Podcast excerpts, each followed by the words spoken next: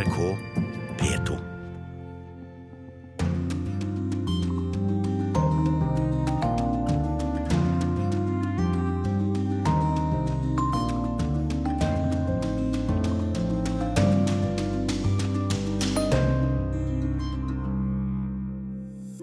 Im Ergebnis wird die Bundesregierung im vorliegenden Fall die Ermächtigung erteilen. Angela Merkel gir grønt lys for å straffeforfølge satiriker etter harselas med Tyrkias president. Hun har inngått en pakt med djevelen, hevder kritikere. Pave Frans har landet i Hellas. Store forventninger til besøket blant migrantene. I heard a lot about him that he can uh, do everything, change anything for us. Politiske fiender gjør felles sak i EU-kampen i England. Statsminister David Cameron blir avhengig av opposisjonsleder Jeremy Corbyn for å få nok ja-stemmer. To stykker som ellers bruker all sin tid på å rive hverandre i filler. Portugal vil ha flyktninger, men flyktningene vil ikke til Portugal. Det var bl.a. en som sa at jeg vil råde andre flyktninger til å dra til Tyskland eller Frankrike hvor livet er godt. Her er det bare krise, krise, krise. Og tusenvis av kurdiske kvinner deltar i krigen mot IS. Svensk-kurdiske Mustafa Jan møtte noen av dem ved fronten. De kunne sitte og ta en røke eller drikke litt te og være avslappet for at en halvtime senere stå i fronten og krige mot IS. Velkommen til Urix på lørdag med Elisabeth Onsum i studio. Dette er noe av menyen denne timen, der vi også skal til Sør-Afrika, for der demonstrerer folk mot president Suma. Men vi starter med bråket rundt den tyske satirikeren Jan Bøhmermann, som nå risikerer straffeforfølgelse for å ha krenket Tyrkias president. Sagt doof, feige og forklemt. Er Erdogan der Präsident.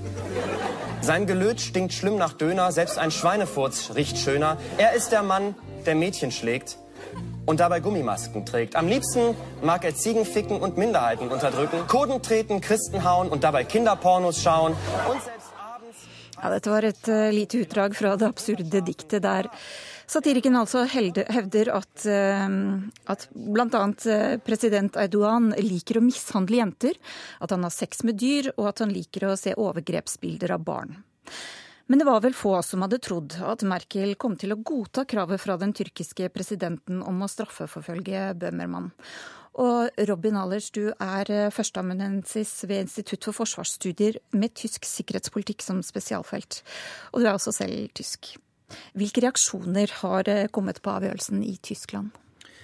Ja, Det er stort sett enighet om at regjering måtte ta stilling til kravet fra Tyrkia, uh, siden det finnes nå en paragraf i tysk rett uh, som, som, sier at en regjering, en utenlandsk regjering kan straffeforfølge eller stille et slikt krav.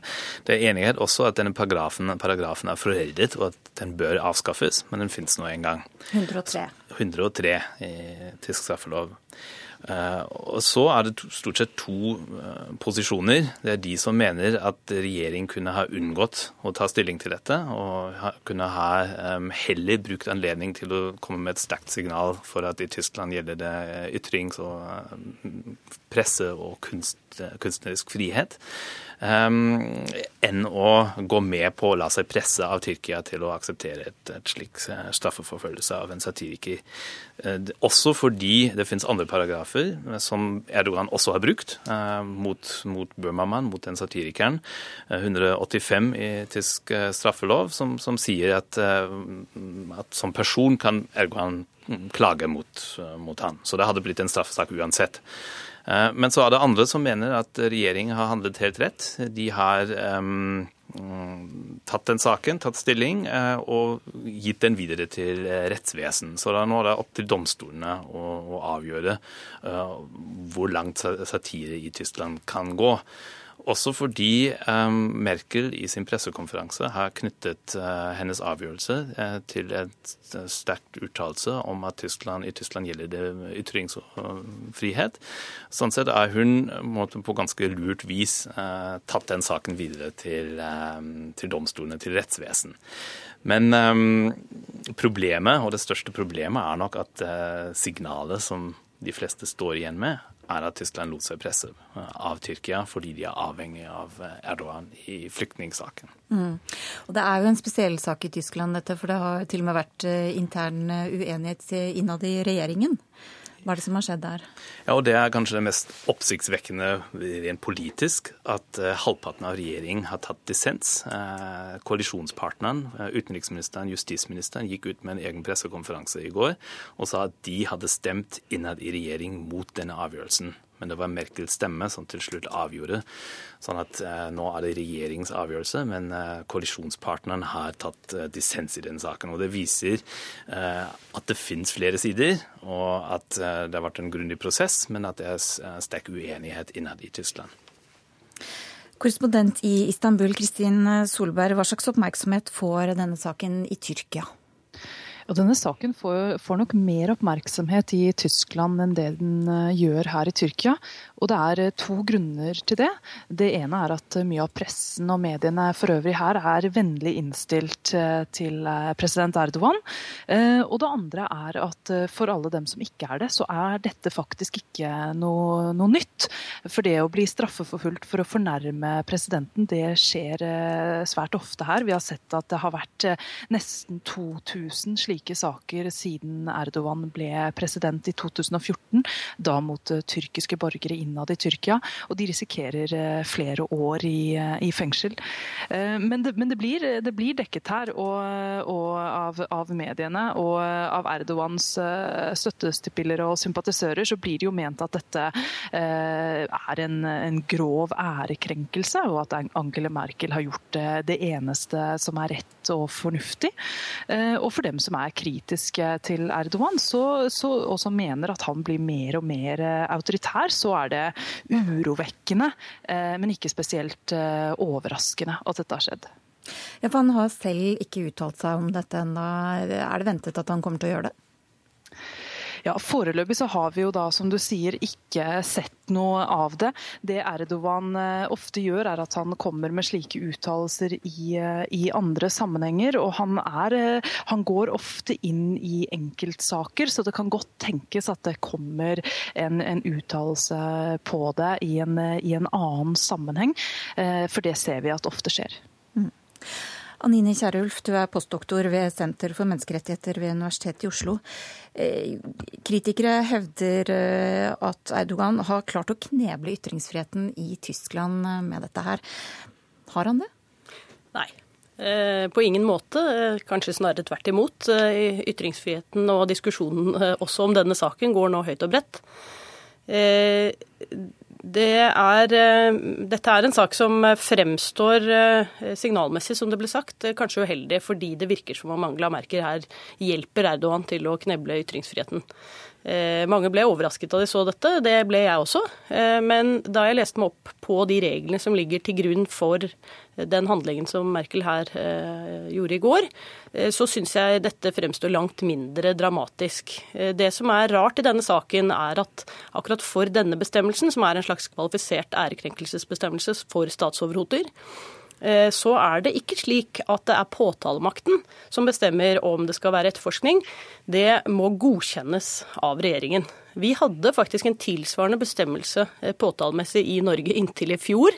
Så helt pussig er ikke dette, men det er veldig sjelden at det blir brukt. Og det er jo veldig, det er en helt sånn foreldet måte å tenke eh, om disse spørsmålene på. Når det nå var slik, Eh, så vil jo da likevel spørsmålet være skal vi følge de reglene vi har i våre bøker, eller skal vi la være. Det siste ville være en politisk beslutning. Det første, nemlig å si ja, vi overlater også denne saken til eh, påtalemyndigheten, eh, slik at de kan bestemme om den skal iretteføres eller ikke, og slik at domstolen eventuelt kan frikjenne Bøhmemann. Eh, det er den måten vi gjør det på i en rettsstat. Så jeg leser eh, Merkels handling i går som en klar understrekning av at Tyskland er en rettsstat, og slik også som en voksenopplæring av Erdogan. Slik gjør vi det i rettsstater. Vi lar ikke politiske beslutninger avgjøre rettslige spørsmål. Det er interessant, det er et oppslag i Aftenposten i dag med redaktøren for den siste frie avisen i eh, Tyrkia. Eh, det er jo utrolig dårlige forhold for ytringsfriheten i Tyrkia. Dette er også noe som nå får et større søkelys på seg, så det er for så vidt en positiv side av denne saken. Det han sier, er at det er veldig vanskelig å vite hvordan det går med rettssaken hans i Tyrkia, fordi, som han sier, dette er mer politikk enn det er juss. Og Det er nettopp det motsatte vi da ser i, i Tyskland. Der tar man utgangspunkt i rettsstaten og sier at det som er juss, det hører til domstolene. Det som er politikk, det driver vi med. Eh, dette resonnementet, som vi også diskuterte på Dagsnytt 18 i går, eh, det, er, eh, det, kan nå leses i flere tyske aviser, hvor det man nettopp vektlegger, det er at nå er denne saken flyttet fra den opportunistiske politiske sfære over til den legale juridiske sfære, der konkrete straffesaker hører hjemme. Mm. Du snakket litt om signaleffekten. Tiden løper fra oss. men til slutt, tror dere at satirikerne nå Én eh, ting er hva pressen gjør, eh, men, men satirikerne, kommer de nå til å legge bånd på seg eh, etter dette? Nei, Tvert imot. Allerede nå så har flere tyske satiremagasiner varslet at de skal nå ærekrenke alle presidenter i verden, bare for at Erdogan ikke står alene. Så, så, det blir nok heller mer satire. Men hensikten med dette diktet var nettopp å teste grenser og det har han jo oppnådd. Det kan hende at han, det får uheldige konsekvenser for Burmawan selv, for nå blir han faktisk straffeforfulgt. Men eh, vi har nå en bred debatt om ytringsfrihet, pressefrihet, kunstnerfrihet, og det er jo heller positivt. Ja, det, er få, det er få som tror at Bøhmmann vil bli dømt for dette i Tyskland. og Det man får gjennom denne løsningen, det er jo muligheten ikke bare til å si at dette er vernet av ytringsfriheten, men også hvorfor Erdogan må tåle slikt. Takk skal dere ha.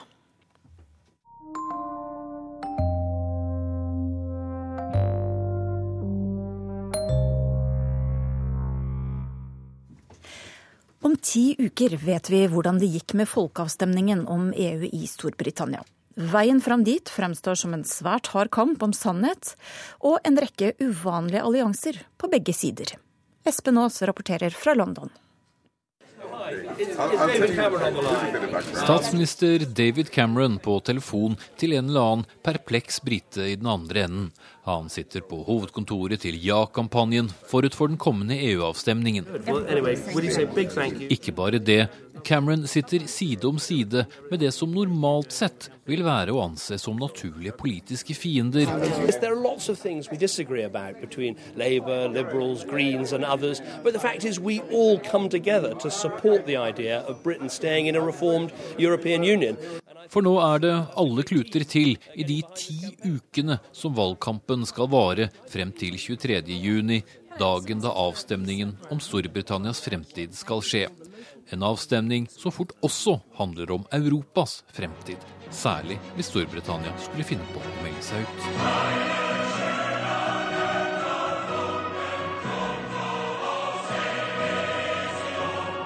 En som frem til nå knapt har uttalt bokstavene E og U ved siden av hverandre, er leder av Labour, Jeremy Corbyn. Han satt ikke sammen med Cameron for å ringe rundt, men derimot holdt han torsdag sin første tale om hvorfor Storbritannia bør bli i EU. Det hørtes bl.a. slik ut. The Labour Party is overwhelmingly for staying in because we believe the European Union has brought investment, jobs, and protection for workers, consumers and the environment. Og for dem som kanskje syntes det ikke hørtes helt overbevisende ut, så kan det være noe i det. For selv om Corbyn nå bruker tid på å snakke om EU som noe som er bra for Storbritannia, så har han slettes ikke alltid ment det. Hør bare i dette klippet fra midten av 80-tallet powers have gone from national parliaments. They haven't gone to the European Parliament. They've gone to the Commission and to some extent to the Council of Ministers. These are quite serious matters. Men som partileder må han det, for venstresiden er for EU. De store fagforeningene i både privat og offentlig sektor mener EU-medlemskap sikrer rettighetene til medlemmene deres langt bedre enn noen regjering kan gjøre det. Og bondestanden mener for det meste det samme om sin situasjon. Og det samme gjør også mange store selskaper. Englands sentralbank har også advart mot en brexit, som er det populære navnet på en britisk utmeldelse. Tidligere finansminister for Labour og aktiv ja-mann Alistair Darling, som også ledet kampanjen for å få Skottland til å bli værende som en del av Storbritannia, advarer mot store økonomiske følger når han snakker om en eventuell EU-utmeldelse. It will put jobs at risk, it will weaken us. Leaving is not a cost-free men det finnes folk som har viet store deler av livet sitt for å få Storbritannia ut av EU. Nigel Farage f.eks., som er partileder for uavhengighetspartiet UKIP, hvis hovedsak er utmeldelse en gang for alle. Han fnyser en lang marsj i hele argumentasjonen til Alistair Darling. It's uh, that he can stand up and say, if we weren't members of political union, we couldn't buy and sell goods from each other. Quite extraordinary. For at det er dyrt å være EU-medlem, og at det medfører en flom av arbeidsinnvandrere fra EU, det er han glad i å fortelle om så ofte han kan. We pay a fortune to have our, all of our businesses regulated, most of whom don't trade with the EU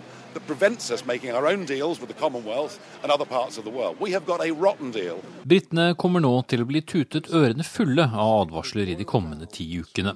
Men hva kommer egentlig til å overbevise de som er usikre?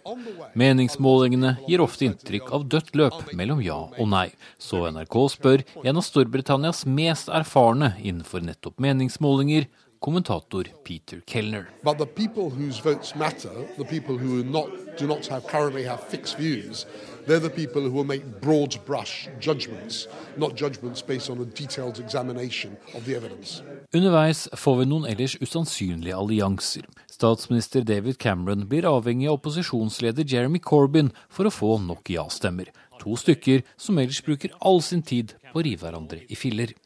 På nei-siden blir nevnte Nigel Farage avhengig av flere av Camerons partifeller, deriblant den snart avgåtte populære London-borgermesteren Boris Johnson, som er imot EU. And the best thing for us now, because we're a great country, a, proud economy, a proud democracy, is to take back control over our borders, over the huge sums of money that we send to, uh, to the European Union, and to take back large amounts of control over our democracy. And og nettopp splittelsen i det konservative partiet er hovedgrunnen til at det hele tatt ble en folkeavstemning. Cameron lovet det, med håp om å få slutt på den evige EU-debatten blant sine egne. Akkurat nå er de frontene steilere enn noen gang. Og uansett utfallet av avstemningen kan maktforholdet innad bli helt annerledes. EU-avstemningen blir ofte kalt den viktigste avstemningen i Storbritannia i nyere tid. Den kan nok også kalles den mest dramatiske.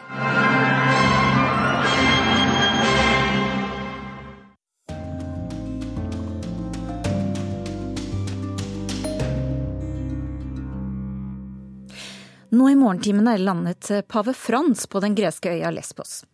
Øya har tatt imot en halv million migranter det siste året, og paven har tidligere varslet at han vil besøke øya for å besøke migrantene. Og korrespondent Guri Nordstrøm, du har fulgt paven nå i morges. Hva har skjedd så langt? Ja, Rett etter at han eh, landet her i dag tidlig, så møtte han Hellas statsminister Alexis Tsipras. De hadde et privat møte, og så med på turen så er også da Hellas erkebiskop Ironomus og den åndelige lederen for den gresk-ortodokse kirken Bartolomeus den første. Akkurat nå så besøker de tre den lukkede leiren Moria. Eh, det er da leiren for de migrantene som kom hit eh, til øya etter 20.3. Og de aller fleste av dem som er der, skal sendes tilbake til Tyrkia etter avtalen mellom EU og Tyrkia som trådte i kraft den 20.3. Senere i dag skal han holde en liten messe i havna her eh, på Lesvos, og så reiser han tilbake igjen da. Så hele besøket totalt er sånn fire-fem eh, timer. Mm. Hva slags eh, forventninger har migrantene til besøket fra paven? Ja, mange av de migrantene jeg har møtt her så langt, sier at dette her gir dem håp, og at de håper at paven med dette kan sette fokus på deres situasjon og kanskje åpne dørene videre innover i Europa. Andre igjen sier at han er jo bare en religiøs leder og kan ikke ha noen innflytelse på politikken uh, uansett. Så det er litt delte meninger. Men, um, men de aller fleste har har håp om at dette kan kanskje endre deres situasjon noe. Mm, hva sier folk, hva sier grekerne, folk på øya? Ja, Det er egentlig påfallende lite oppstuss rundt dette her på øya. Ordføreren her er selvfølgelig veldig fornøyd og sier at dette her er en veldig anerkjennelse for den jobben som eh, øyboerne her har gjort eh, det siste året.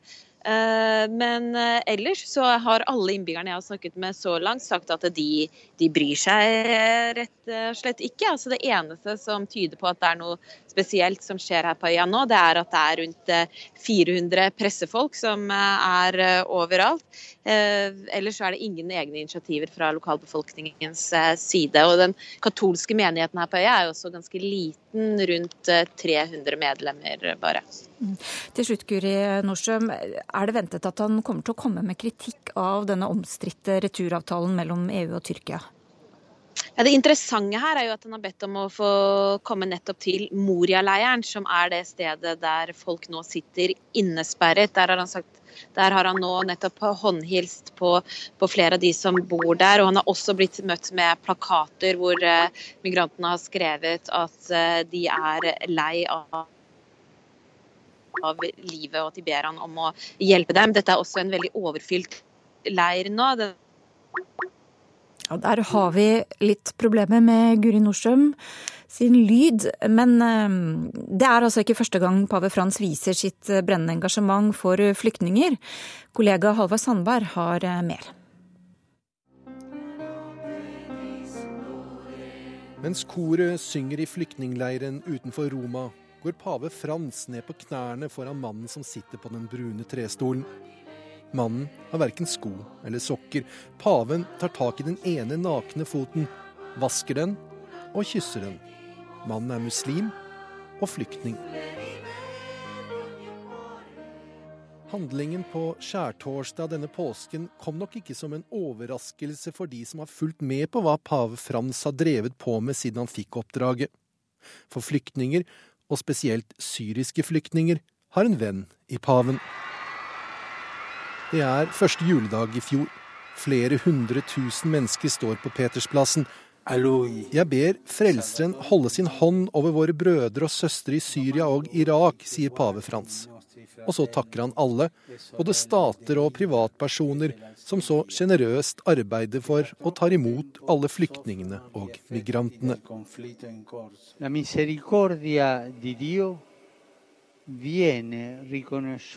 Noen måneder tidligere, på flyktningdagen i september, var han selv en av de mange som tok imot to familier skulle få husrom i Vatikanet, én for hver menighet bak veggene. Men pave Frans ba om mer.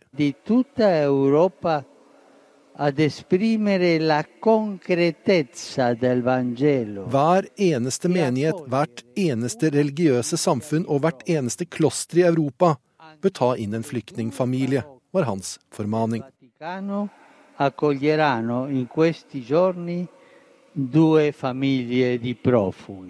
Det er sjelden paven så direkte peker på hvilke veldedige handlinger som er de riktige, men pave Frans har helt siden han ble innsatt i 2013 vist hva han mener er viktig. For det året besøkte pave Frans Lampedusa og flyktningene der. Budskapet han kom med, var at flyktninger er alles ansvar, og at de rike landets likegyldighet var noe som alle burde kritisere.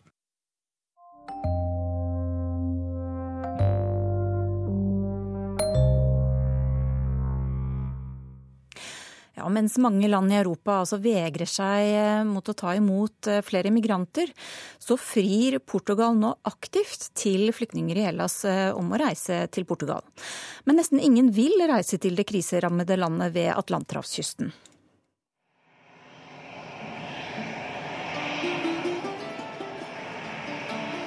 Et fly lander på flyplassen i Fadons hjemland.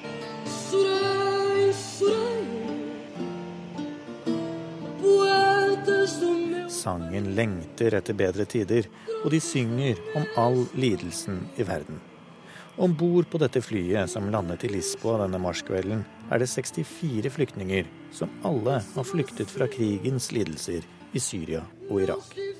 Her blir de mottatt av medlemmer fra den portugisiske regjeringen. Portugal og Frankrike er hoje os dois países que no dia do Conselho Europeu vi sier nei til stengte europeiske grenser og ja til å støtte mennesker i nød, sier Eduardo Caprita til pressekorpset på flyplassen. Som et av få europeiske land har nemlig Portugal sagt seg villig til å ta imot flere enn det som EUs kvotesystem ber dem om.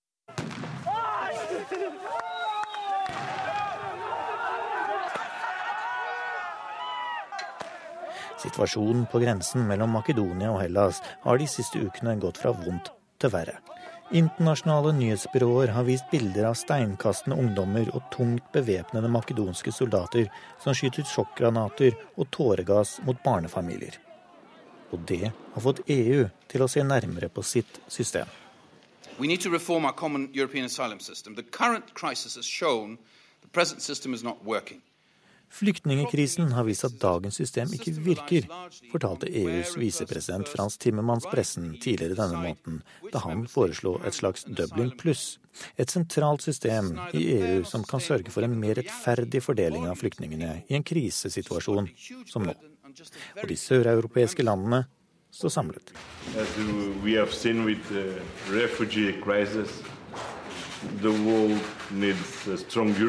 Verden trenger et sterkt Europa, og Europa må stå sammen, sier Portugals statsminister Antonio Costa på sitt besøk i Hellas. For til tross for at Portugal ønsker å ta imot 10 000 flyktninger, så vil ikke flyktningene reise til Portugal. Til nå har det bare kommet litt i underkant av 100 mennesker til landet, med den lange kysten og det behagelige klimaet. Så hva er det egentlig da med Portugal? Tenk deg på en fin, hvit strand.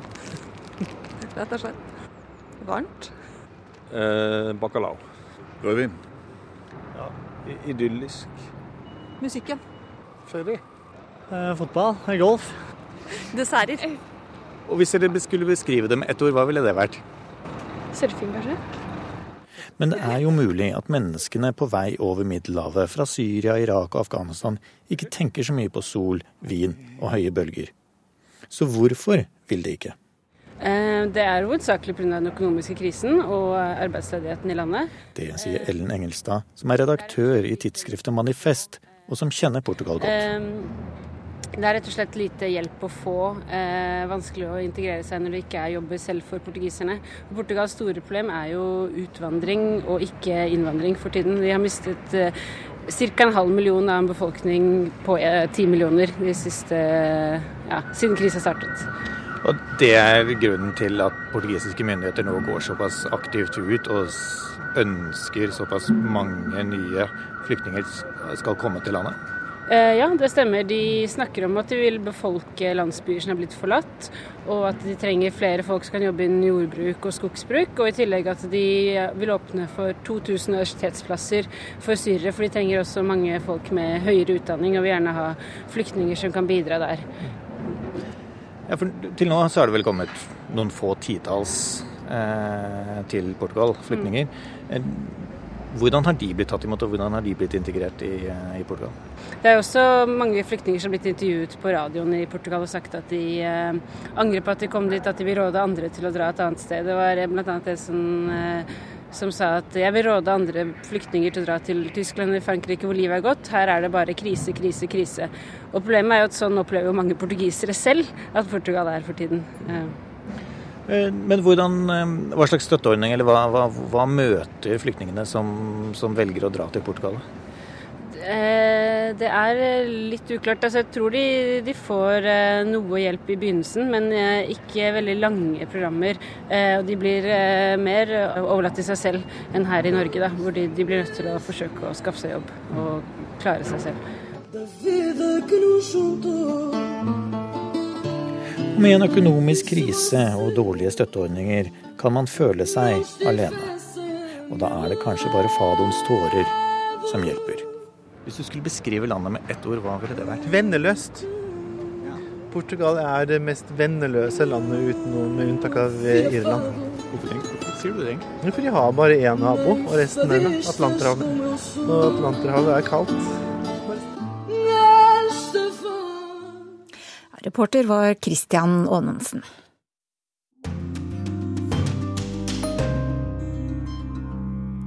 Dette er Urix på lørdag i NRK P2. Om du følger med oss videre, så får du høre at tusenvis av kurdiske kvinner kjemper mot IS. Men dette er like mye en kamp mot gamle kjønnsroller, sier Mustafa Jan. Og ukas korrespondentbrev kommer fra Russland. I Soveto i Sør-Afrika er det nå en demonstrasjon mot president Jacob Zuma. Presidenten er i hardt vær. Nylig ønsket opposisjonen å stille ham for riksrett, men eh, det ble stemt ned av nasjonalforsamlingen, der ANC har flertall. Zuma har til sammen 700 korrupsjonsanklager mot seg, og Afrikakorrespondent Kristine Presthun, du er på demonstrasjonen i Soveto. Hva er det som foregår der nå? Jeg står utenfor Johannesburgs eh, universitet som ja, ligger i Soweto, bydelen som jo var et slags hovedsete for anti-apartheid-kampen. Og I aulaen på dette universitetet der er det samlet unge og gamle, svarte og hvite, som ikke diskuterer om Zuma bør gå, men hvordan de skal klare å få fjernet ham. Ja, hva, hva er de konkrete kravene? Det henger bannere rundt hele, og det ordet korrupsjon er nevnt på alle. Korrupsjon går ikke, står det uh, i dette landet her. Vi kan ikke ha noe mer av det. Uh, og jeg har snakket med en ANC-veteran, en som har tjent under Mandela, en som har sittet på Robin Island, og som sier at nok er nok. Det siste vi nå har sett for, uh, fra Zuma, har fått begeret til å renne over også for ham. og det er da spesielt denne skandalen rundt Nkanla, dette presidentboligen, eller nærmest palasset til, til presidenten presidenten, hvor han jo har brukt offentlige penger til å pusse det opp, til å få et svømmebasseng, et amfiteater, og eh, hvor han nå av grunnlovsdomstolen har blitt dømt for å ha blitt brutt Grunnloven. Mm. Ja, og han, han unngikk altså riksrett nå, men hvor langt ut på stolen vil du si at eh, han sitter nå? Det er på et vis to virkeligheter her. Det er de menneskene som er der inne, og som er forferdelig oppgitte, sinte. Eh, og så er det folk i slummen her som jeg har møtt, som har en stor eh, apati i forhold til ANC. Som opplever at livene deres ikke blir bedre, og som ser at lederne velter seg i luksus. Men likevel, ANC er en sterk organisasjon med sterk lojalitet eh, innad, og med en leder som vet å holde folk inn til å at de, at de slutter rekkene. Holde de ørene eh, med eh, ja, Det er en slags fryktkultur også i ANC, kombinert med en sterk lojalitet til det som jo var den store frigjøringsbevegelsen. Takk skal du ha, Kristine Presttun. Og President Jakob Jacob Zuma er gjetergutten fra Zululand som ble president. Han satt på Robben Island, han var eh, ANCs etterretningssjef i eksil, og han ble svært overraskende landets president. NRKs eh, tidligere Afrikakorrespondent Tom Christiansen har fulgt Zuma gjennom mange år. Han er ikke som andre presidenter.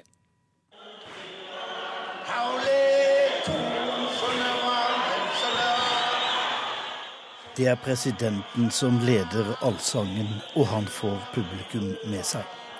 Han er i joggesko med et leopardskinn over skuldrene, den tykke magen disser, han er pyntet med perlesnorer og fjær. Han synger sin favorittsang Umsini Wam, Hent mitt maskingevær.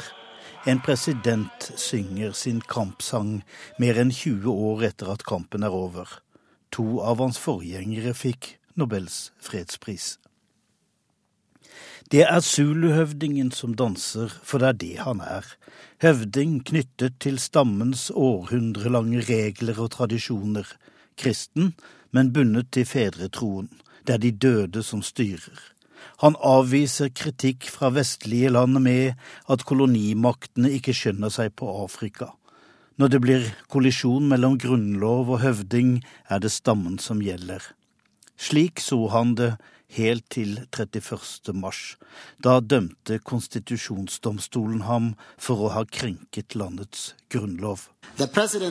Failed to uphold, defend and respect the constitution as the supreme law of the land. Hans personlige rådgiver fikk for elleve år siden en lang fengselsstraff for å ha et korrupt forhold til Zuma, 15 år bak murene. Imens hjalp juristene Zuma ut av 700 anklagepunkter om korrupsjon han var siktet for, men på en pressekonferanse for en stund siden snakket han om korrupsjon med en moralsk indignasjon som får andre til å rødme. Han har utnevnt seg selv til bannerfører i kampen mot korrupsjon i det nye Sør-Afrika. Culture that we have developed, Han har bygget et palass til seg selv, slik en mektig zulehøvding skal ha, Nkandla, bygget for egne penger. Bortsett fra at staten må betale sikkerhetstiltakene, som et utkikkstårn for eksempel. Ved nærmere ettersyn var det vel et amfiteater, riktignok med god utsikt fra bakerste benk. Et lite vannreservoar av sikkerhetsmessige grunner, men var det ikke egentlig et svømmebasseng? Og legeværelse om Soma skulle bli syk? Det var vel egentlig et lite sykehus beregnet for én mann. Sikkerhetsvaktene trengte tak over hodet, men en bungalow til hver? Han var helt uskyldig, sa han selv, det var juristenes skyld. Men hva er det med Zuma? Han er tilhenger av at jenter skal jomfrutestes. Homofile vil falle i Guds unåde på dommens dag. ANC, hans parti, er utvalgt av Gud og skal regjere på hans nåde til evig tid. De som ikke stemmer på ANC, kommer til helvete. Han trodde dusjen han tok etter et samleie med en ung hiv-positiv kvinne ville hindre ham i å få aids. Han er imot at svarte kvinner prøver å rette ut krøllene fordi de prøver å bli hvite. Alle kvinner bør giftes, og barn gjør dem til gode kvinner. Skjødehunder er uafrikansk. Det samme er forresten rettssystemet. Alt dette mener Jakob Zuma, stammemannen, tradisjonalisten, patriarken, farsfiguren for sitt folk. Nylig sa Zuma jeg ønsker å bli behandlet av folket på samme måte som Nelson Mandela ble. Lederen for opprørspartiet Økonomiske frihetskjempere Julius Malema repliserte lynraskt det var en god idé, la oss begynne med 27 års fengsel. Det er korrupsjonen han er mest beryktet for, og som undergraver samfunnsmoralen, i tillegg til mangelen på eksempelets makt i samlivsspørsmål. Han har fire koner og to ekskoner. Han har 22 barn, ikke alle har konene til mor. Under seg har han Cyril Ramaphosa, fagforeningslederen som ledet forhandlingen da apartheid knelte, og siden er blitt milliardær på rekordtid. Er det denne visepresident som skal ta over om det bikker for Zuma? Eller kanskje det blir den avtroppende generalsekretæren i Den afrikanske union, Nkosana Dlamini Zuma. Zuma? Ja, helt riktig. Ekskona.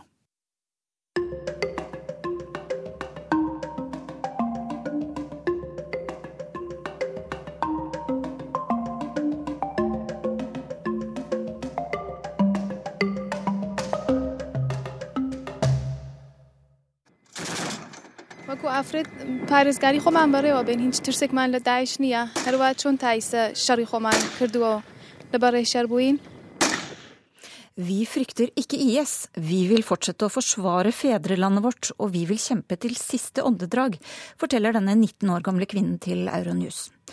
Hun forteller også at hun har drept og såret flere IS-soldater. Rundt 17 000 kurdiske kvinner deltar i væpnet kamp mot IS.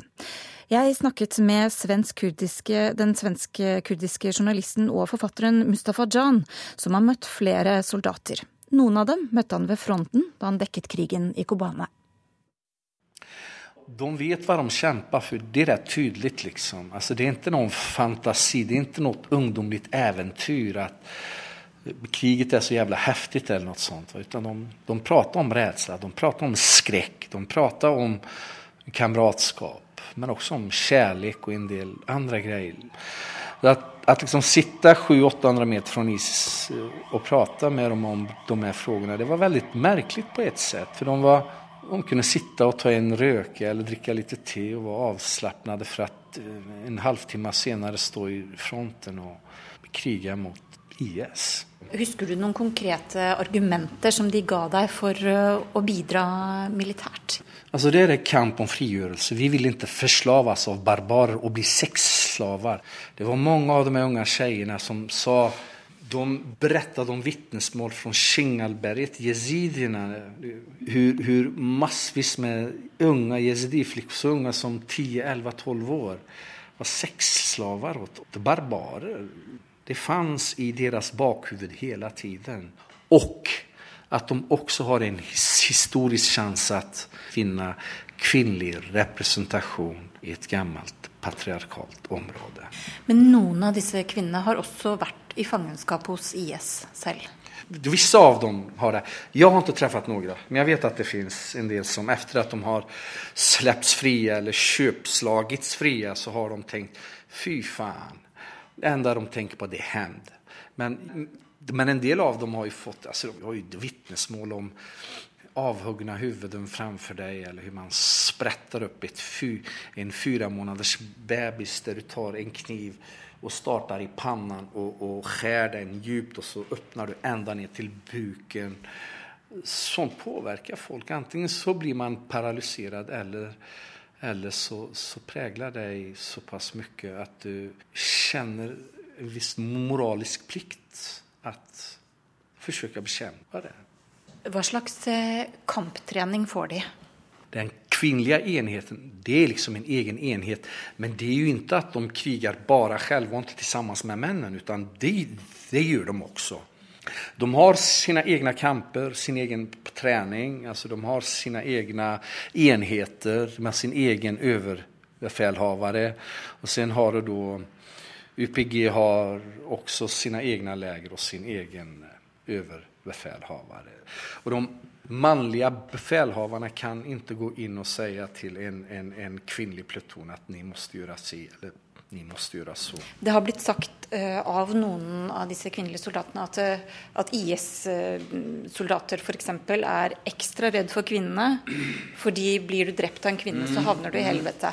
En del ISIS-soldater tror virkelig det at om du blir drept av en kvinne, da kan du ikke komme til paradiset og åtnjuta dine 74 jungfruer i evinnelig tid. Vissa vitner om at når det var liksom närstrider så undvek en del ISIS-soldater att gå liksom i närmare kamp medan andra sket i det fullständigt. Fienden är fienden. Halsen ska huggas av eller kroppen ska peppras med, med kulor och med, med bly. Så det stemmer til viss del, men til viss del er det også överdrivet. Men de bruker det her, altså de unge kvinnelige soldaterna i UPI og deres kommendanter, de, de bruker det her for at det, det passer dem også i den psykologiske krigføringen. Går det an å si noe mer om hvem de er? Altså er kommer de fra alle samfunnslag, eller? Alle. En del av dem kom jo fra PKK, liksom, fra Kandilbergen. Og de, var, de er jo profesjonelle geriljasoldater. Men, men andre Jeg traff liksom sånne som hadde gått på universitet, sånne som var hjemme bare. Bønder Alle lager. Du var jo i Kobani, og du så en del av disse kvinnene ved fronten. Hvilken rolle militærtaktisk spilte de? De spilte en helt avgjørende rolle. De vi også nevnte innan, den første fronten liksom, som bildades når det var som aller verst, 70% var kvinner. Og for første gangen så sjungs det ikke bare hjeltesanger i sånne regioner folk behøver for å kunne trøste sine sjeler og for å kjenne noen slags mod midt i denne galenskap. Man behøver riter, man behøver hjelter, man behøver monument. Det faktum at man skriver om dem og sjunger om dem og gjør poesi om dem, det sier en sak. For det er alltid mennene som besjungs. Det er alltid mennene som er hjältarna i efterkrigslitteraturen eller når kriget fortfarande pågår. Det er de som får statyer og gator og torg og monument oppkallade efter seg. Du sa at dette er også en kvinnekamp. Eh, hva vil du si at de oppnår på samfunnsnivå ved å være så delaktige? Inget tvångsgifte. At de skal få beträda det offentlige rummet, kaféer. Annars, om du har rest rundt i Mellanöstern, det, det är männen som äger gatan. De vil äga gatan lika mye, de vil äga parkene lika mye. Inte bare når det er en koselig picknick der kvinnor i sjal har bakat brød og børek, og männen står og grillar. De vil være rektorer på universitetet og ikke viserektorer. De vil på et kontor som handler om stadens framtid eller infrastruktur eller arkitektur eller hva det enn er, så vil de ikke være de som er i köket og kokar kaffe når gjester kommer på besøk. De vil være de som sitter og faktisk også blir servert det her jævla kaffet og det her teet. De vil ha retten å kunne si du slog meg i går, eller jeg elsker deg ikke lenger, jeg vil ha skilsmisse uten å stemples som hore eller mishandles. Ja, men alt det som du og jeg vil, vil jo de. Det er hva de hoppas oppnå, liksom.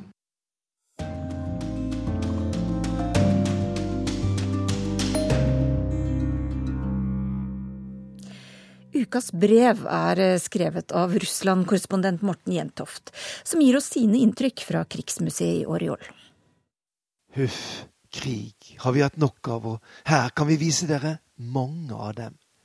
Hun smilte litt, den eldre kvinnen, som vennlig viste oss inn i krigsmuseet i Arjol, en by knappe 400 km sør for Moskva. Museet lå litt i utkanten av sentrum av denne provinsbyen med vel 300 000 innbyggere. Men en av deltakerne i vårt lille reiseselskap hadde funnet ut at det kunne være verdt å rusle de 25 minuttene fra hotellet for å få med oss nettopp dette museet. Jeg er nok selv mer enn gjennomsnittlig historieinteressert og har brukt mye tid både i biblioteker og arkiver, ikke minst i Russland. Derfor er museumsbesøk både på små og store plasser noe jeg alltid prøver å få med meg når jeg reiser rundt i de tidligere sovjetlandene. Selvfølgelig er det interessant å lære nye ting, finne ut mer om hva som har skjedd i det og det området, eller om den og den saken. Men historie her borte er ofte mye mer. Hvordan fortiden vises fram, forteller like mye om nåtiden. Arjol er et navn mange kanskje husker fra annen verdenskrig. Etter at Hitlers tyske soldater gikk til angrep på Sovjetunionen 22.6.1941, avanserte de raskt østover, og Arjol falt i begynnelsen av oktober samme år. Først etter det berømte slaget ved Kursk sommeren 1943 kom byen igjen på sovjetiske hender. Da var store deler av den historiske bebyggelsen ødelagt. Men den vennlige damen på Krigsmuseet sa at her var det utstillinger om mange kriger, helt tilbake til Napoleons felttog fram og tilbake til Moskva i 1812. Hovedvekten var likevel lagt på det som har skjedd det siste drøye hundreåret, og de første utstillingssalene handlet om første verdenskrig, som etter hvert gikk over i den russiske borgerkrigen. Jeg var spent på hvordan denne dramatiske perioden i Russlands historie var framstilt.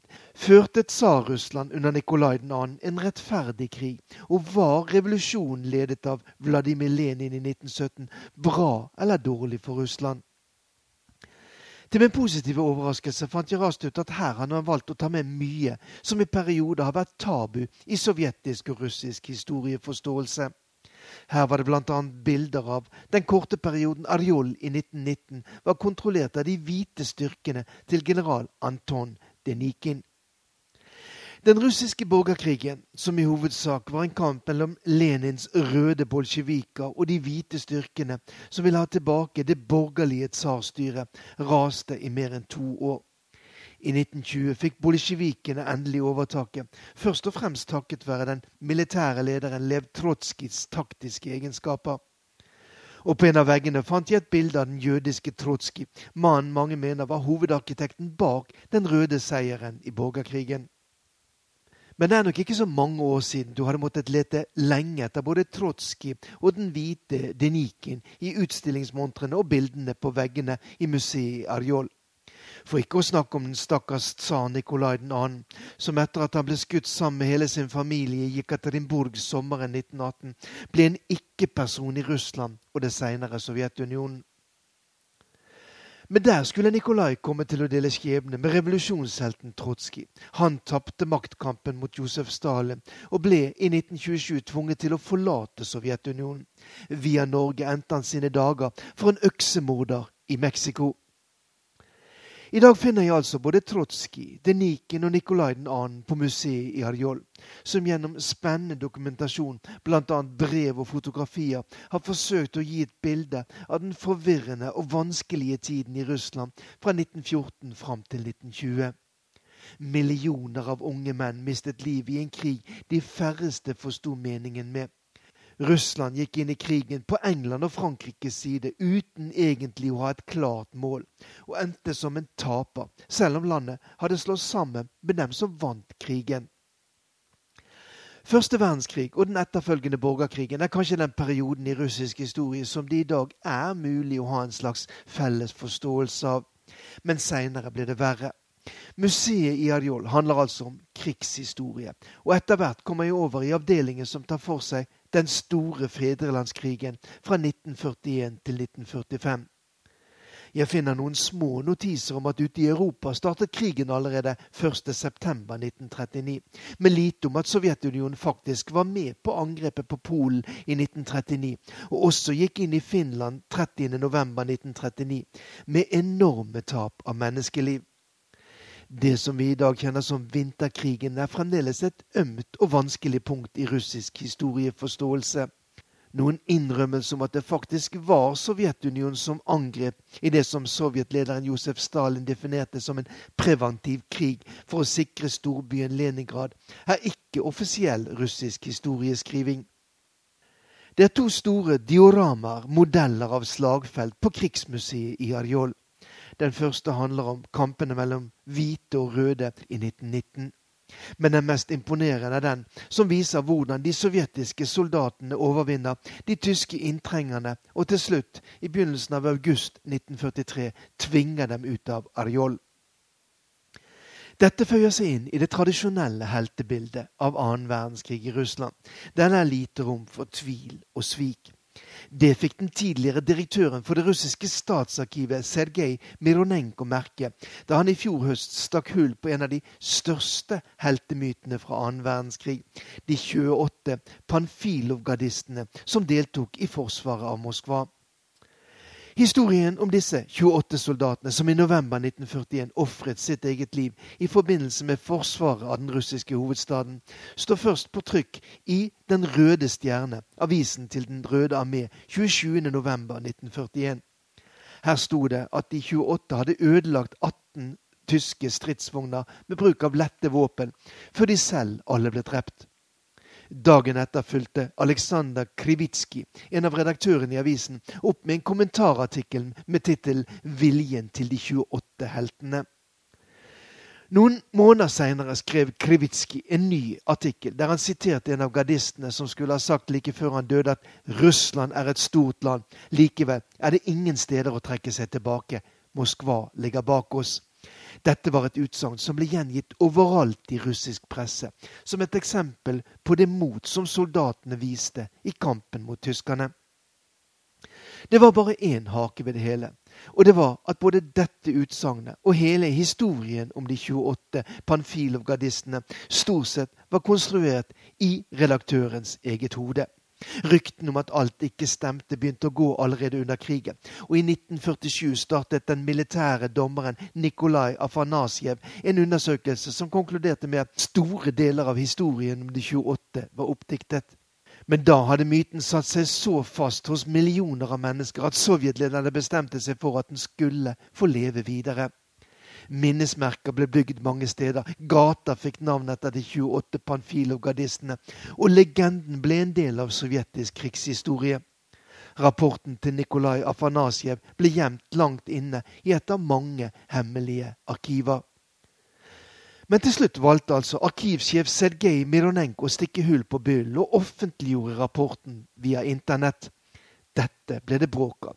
Russlands omstridte kulturminister Vladimir Medinsky, som selv kaller seg en amatørhistoriker, sa under en debatt at historiske fakta er ikke så viktige. Vi må forholde oss til heroiske bragder, på samme måte som kirken dyrker sine helgener.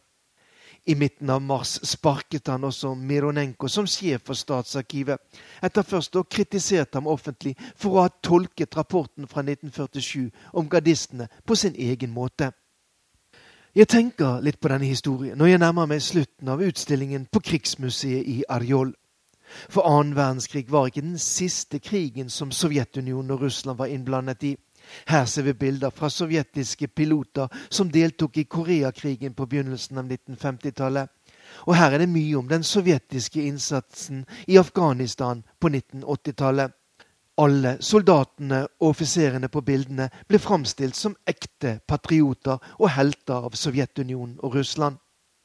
Krigene mot opprørerne i Tsjetsjenia er også viet en egen utstilling, og her er mange bilder fra våren 2014, da Russland tok kontroll over den ukrainske Krimhalvøyen. Eller som det står her, fra det historiske øyeblikket da Krim vendte tilbake til moder Russland. Men så er det slutt. Ikke noe om russiske soldater som har slåss på de prorussiske separatistenes side i Øst-Ukraina, eller om den militære innsatsen for å støtte den syriske presidenten Bashar al-Assad i borgerkrigen i Syria. Det siste er det vel bare et tidsspørsmål før det dukker opp bilder om. Syria-operasjonen her i Russland framstilles ofte som en stor triumf for det russiske militæret, ikke minst etter at den islamske staten ble jaget ut av oldtidsbyen Palmyra.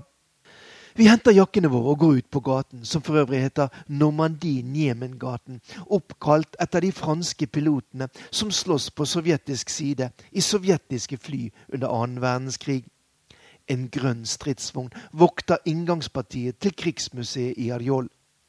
Er den et symbol på at Russland må vokte sin fortid mot dem som vil frata landet myter som en ærerik framtid skal bygges på?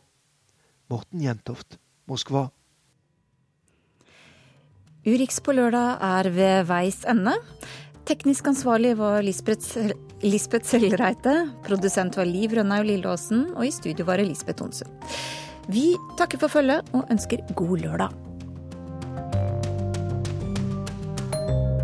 NRK P2.